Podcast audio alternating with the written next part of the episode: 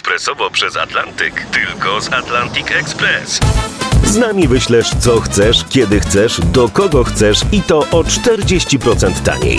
W Atlantic Express wysyłamy wszystko, co chcesz. 1 800 775 7363. Mienie przesiedleńcze, kontenery, paczki do Europy. Atlantic Express to 30 lat doświadczenia i o 40% niższe ceny na wysyłki kontenerów, samochodów i paczek. Ekspresowo przez Atlantyk tylko z Atlantic Express.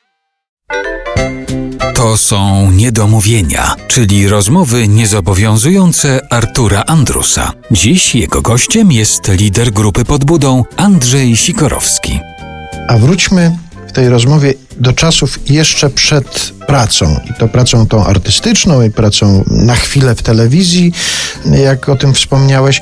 Wróćmy do czasów studiów. Czy polonistyka to był świadomy, pewny, oczywisty wybór kierunku? Tak, zdecydowanie, dlatego że wtedy wybór kierunku studiów był determinowany egzaminem wstępnym. Czyli nie tak, że piękne świadectwo maturalne pozwalało wybrać sobie dowolny kierunek.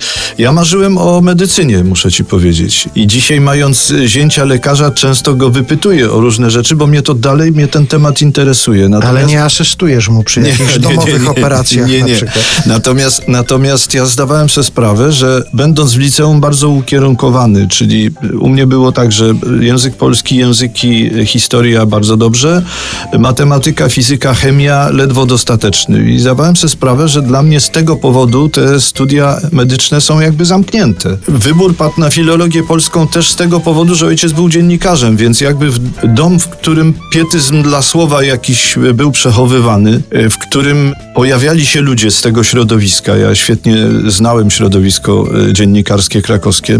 Może myślałem, że pójdę tym tropem i że kiedyś wyląduję w prasie. Taki epizod zresztą zaliczyłem, bardzo zabawny, bo Zostałem przyjęty na chwilę na staż, jakby do terminu, do gazety. To wtedy się była gazeta południowa, potem gazeta krakowska.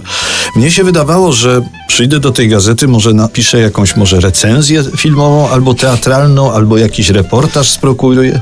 A tymczasem zostałem odesłany do działu miejskiego, gdzie bardzo sympatyczny zresztą kierownik powiedział, że tu trzeba najpierw ileś miesięcy się wykazać i obsługiwać pękniętą rurę w Krakowie, wykonać kolejony tramwaj, prawda, o tym notatka i tak.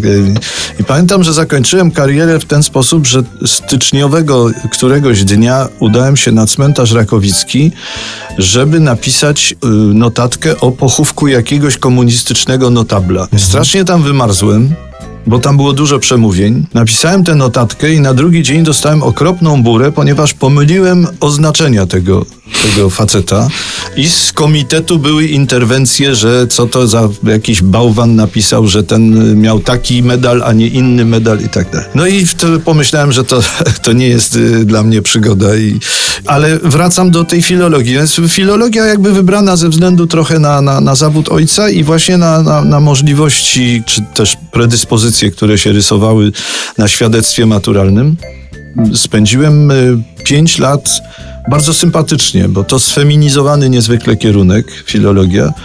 Y, spędzaliśmy dużo czasu ucząc się w żeńskich akademikach, pijąc winko Gelala albo Fatima, to takie wtedy były dostępne algierskie, jeśli sobie przypominam, wina, i jedząc na przednówku studenckim y, chleb z masłem i z musztardą. Do dzisiaj ten smak y, gdzieś mam w pamięci kubków smakowych i uwielbiam chleb z masłem i z musztardą, chociaż to okropnie zwyczajnie brzmi. A algierskie wina? Algierskich win właśnie nie, nie, nie ma teraz, nie sprowadzają, nie wiem dlaczego, ale one były bardzo dobre, albo wtedy w, porównaniu z jakimiś winami patykiem pisanymi wydawały nam się e, bardzo, e, dobre. Bar, bardzo dobre.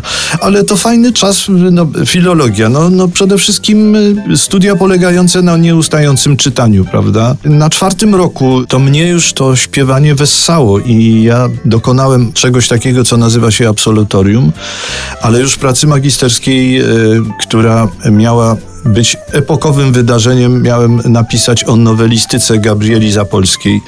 Tej pracy już nie obroniłem.